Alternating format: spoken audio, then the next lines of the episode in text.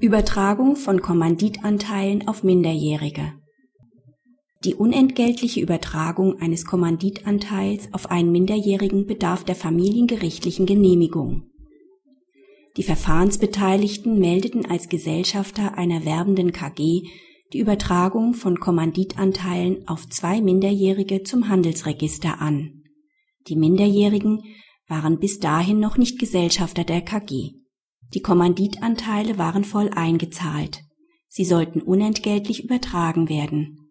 Das Registergericht forderte die Verfahrensbeteiligten mit Zwischenverfügungen auf, eine familiengerichtliche Genehmigung für die Übertragung der Kommanditanteile auf die Minderjährigen vorzulegen.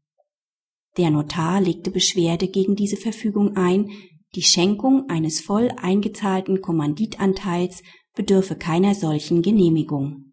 Das OLG Frankfurt am Main schließt sich dieser Ansicht nicht an.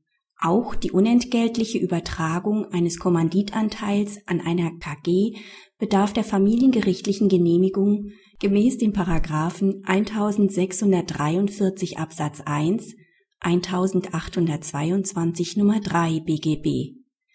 Das Registergericht, bei dem der Wechsel der Kommanditistenstellung angemeldet wird, kann die Vorlage dieser Genehmigung fordern das OLG Frankfurt am Main folgt damit nicht der Literaturansicht, wonach insbesondere wegen des minderjährigen Haftungsbegrenzungsgesetzes grundsätzlich eine schenkweise Übertragung aller Arten von Gesellschaftsbeteiligungen ohne Genehmigung zulässig ist. Entscheidend ist die Schutzbedürftigkeit des Minderjährigen. Die Übertragung, auch die schenkweise Übertragung eines Kommanditanteils ist nicht anders zu beurteilen als die originäre Beteiligung des Minderjährigen an der Gründung einer KG.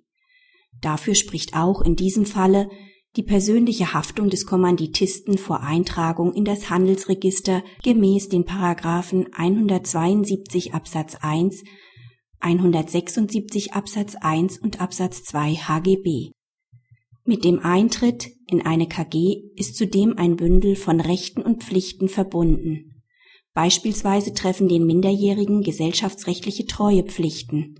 Auch kommt das Wiederaufleben der beschränkten Haftung gemäß 172 Absatz 4 HGB in Betracht. Die schenkweise Übertragung eines Kommanditanteils ist schließlich nicht mit der schenkweisen Übertragung eines GmbH-Geschäftsanteils zu vergleichen. Es bestehen wesentliche Unterschiede zwischen der KG mit einer engen personalistischen Verbindung der Gesellschafter und der nur kapitalmäßigen Beteiligung an einer GmbH. Kritik Das OLG Frankfurt am Main versäumt es, das vorgefundene Bündel von Rechten und Pflichten zu lösen und die konkreten Nachteile für den Minderjährigen im Einzelnen darzulegen. Nicht überzeugend verweist das Gericht auf die gesellschaftsrechtliche Treuepflicht ohne dabei die konkreten rechtlichen Nachteile daraus zu erörtern. Dies überzeugt umso weniger, als die Treuepflicht nicht über das geschenkte Gut hinausreicht. Auch der Verweis auf 172 Absatz 4 HGB verfängt nicht, denn das Risiko für den Minderjährigen ist nur auf den eingetragenen Betrag der Hafteinlage beschränkt. Aus 172 Absatz 4 HGB ergibt sich zudem kein Nachteil für den Minderjährigen, sondern allenfalls eine Beschränkung der erworbenen Rechtsposition. Schließlich geht das OLG Frankfurt am Main auch nicht in ausreichendem Maße darauf ein, dass eine Kommanditbeteiligung je nach Ausgestaltung strukturell einer rein kapitalmäßigen Beteiligung an einer GmbH stark angenähert sein kann.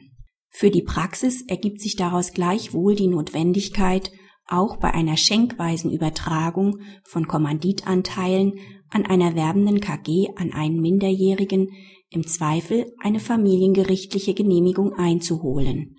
Anders kann die Situation aber bei einer nur vermögensverwaltenden Familien-KG sein